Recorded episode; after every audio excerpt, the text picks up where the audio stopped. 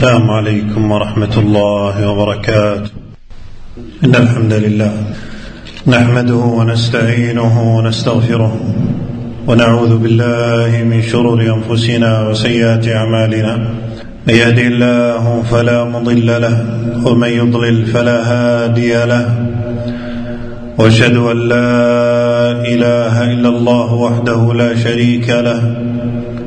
وأشهد أن محمدا عبده ورسوله. أما بعد فإن أصدق الحديث كلام الله وخير الهدي هدي محمد صلى الله عليه وسلم وشر الأمور محدثاتها وكل محدثة بدعة وكل بدعة ضلالة وكل ضلالة في النار. أما بعد عباد الله فإن من خير ما يشغل به المسلم وقته ولسانه الصلاة على النبي صلى الله عليه وسلم فهو من الأذكار الشرعية ومن حق نبينا صلى الله عليه وسلم علينا فحقه علينا عظيم وحقه مقدم على حق النفس والوالدين والناس أجمعين.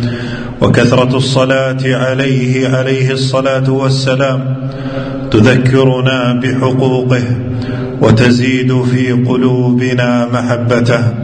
وهو أمر الله تعالى لنا حين قال جل وعلا ان الله وملائكته يصلون على النبي.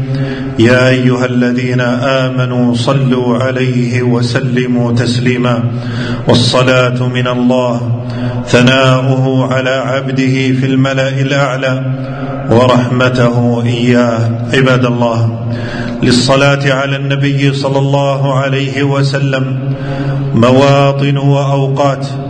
وكلما زاد العبد منها. زاد أجره وثوابه.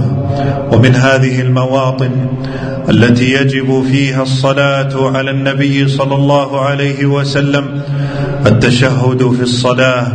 بل لا تصح الصلاة إلا بالتشهد الذي فيه الصلاة على النبي صلى الله عليه وسلم. عن أبي مسعود عقبة بن عمرو الأنصاري رضي الله عنه قال: أتانا رسول الله صلى الله عليه وسلم ونحن في مجلس سعد بن عبادة رضي الله عنه فقال له بشير بن سعد رضي الله عنه: قد أمرنا الله أن نصلي عليك فكيف نصلي عليك؟ قال قولوا اللهم صل على محمد وعلى آل محمد كما صليت على آل إبراهيم وبارك على محمد وعلى آل محمد كما باركت على آل إبراهيم والسلام كما علمتم رواه مسلم.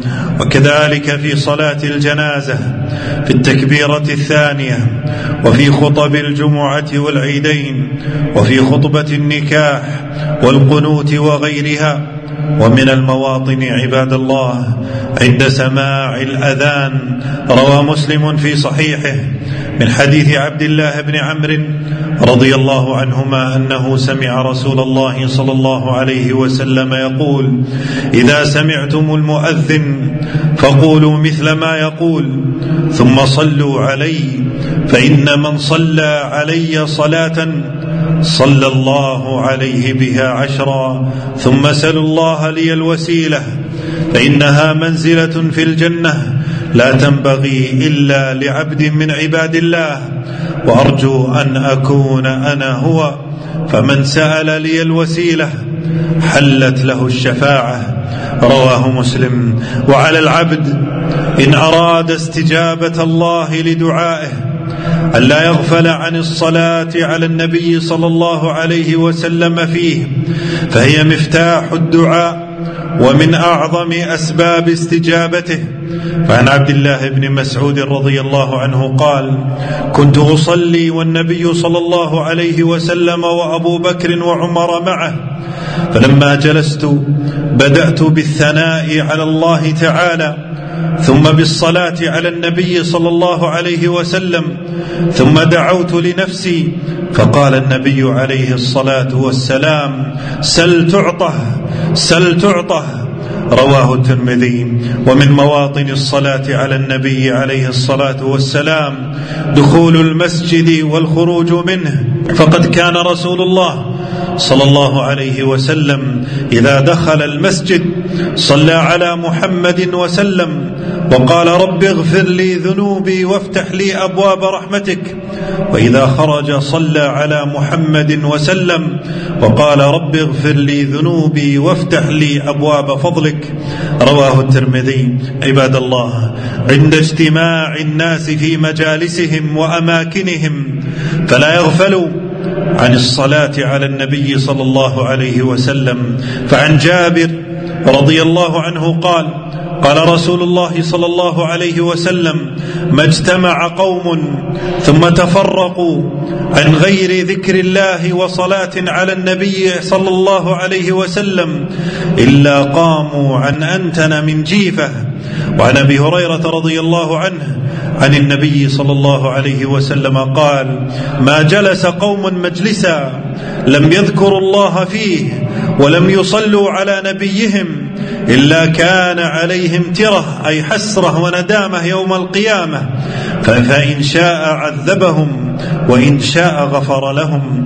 رواه أحمد. وإياك إياك يا عبد الله ألا تصلي على النبي صلى الله عليه وسلم حين ذكره. فالصلاة عليه لها أجر عميم وثواب عظيم. عن أنس رضي الله عنه أن رسول الله صلى الله عليه وسلم قال من ذكرت عنده فلم يصلي علي فإنه من صلى علي مرة صلى الله عليه عشرا. وعن أبي هريرة رضي الله عنه قال قال رسول الله صلى الله عليه وسلم رغم أنف رجل ذكرت عنده فلم يصل علي. والصلاة على النبي صلى الله عليه وسلم من أذكار الصباح والمساء. فعن أبي الدرداء رضي الله عنه قال قال رسول الله صلى الله عليه وسلم من صلى علي حين يصبح وحين يمسي عشرا أدركته شفاعتي يوم القيامة.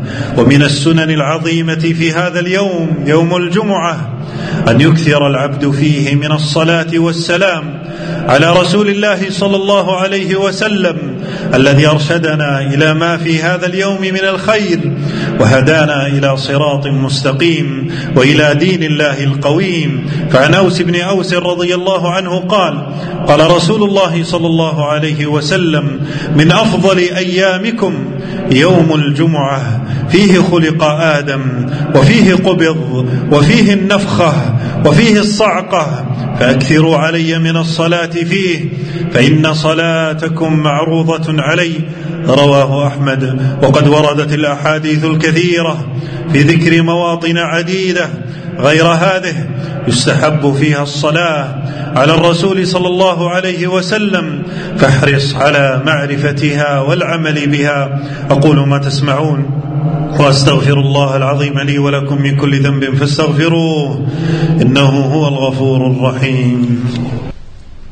الحمد لله الصلاه والسلام على رسول الله وعلى آله وصحبه ومن اتبع هداه. أما بعد أوصيكم ونفسي بتقوى الله فمن اتقى الله وقاه ونصره وكفاه. عباد الله من أراد ذهاب الهموم وزوال الغموم وتكفير السيئات ومحو الذنوب فعليه بالإكثار من الصلاة على النبي صلى الله عليه وسلم. فعن أبي بن كعب رضي الله عنه قال كان رسول الله صلى الله عليه وسلم إذا ذهب ثلثا الليل قام فقال يا أيها الناس اذكروا الله جاءت الراجفة تتبعها الرادفة. جاء الموت بما فيه. قال أبي قلت يا رسول الله إني أكثر الصلاة عليك فكم أجعل لك من صلاتي؟ فقال ما شئت. قال قلت الربع. قال ما شئت فإن زدت فهو خير لك. قلت النصف. قال ما شئت فإن زدت فهو خير لك. قال قلت فالثلثين. قال ما شئت فإن زدت فهو خير لك. قلت أجعل لك صلاتي كلها. قال إذا تكفى. همك ويغفر لك ذنبك. رواه أحمد والترمذي. فأكثر من الصلاة ولا تكن بخيلا على نفسك ففضل الصلاة يعود عليك وأنت منتفع بها. فعن الحسين بن علي رضي الله عنهما عن النبي صلى الله عليه وسلم أنه قال البخيل من ذكرت عنده فلم يصل علي. رواه الترمذي. فاللهم صل على محمد وبارك عليه وعلى أصحابه وأتباعه وآل بيته. اللهم اغفر للمؤمنين والمؤمنات والمسلمين والمسلمات الأحياء منهم والأموات. ربنا اغفر لنا ولوالدينا. ربنا اغفر لنا ولوالدينا. ربنا آتنا في الدنيا حسنة وفي الآخرة حسنة وقنا عذاب النار وصلى الله وسلم على نبينا محمد.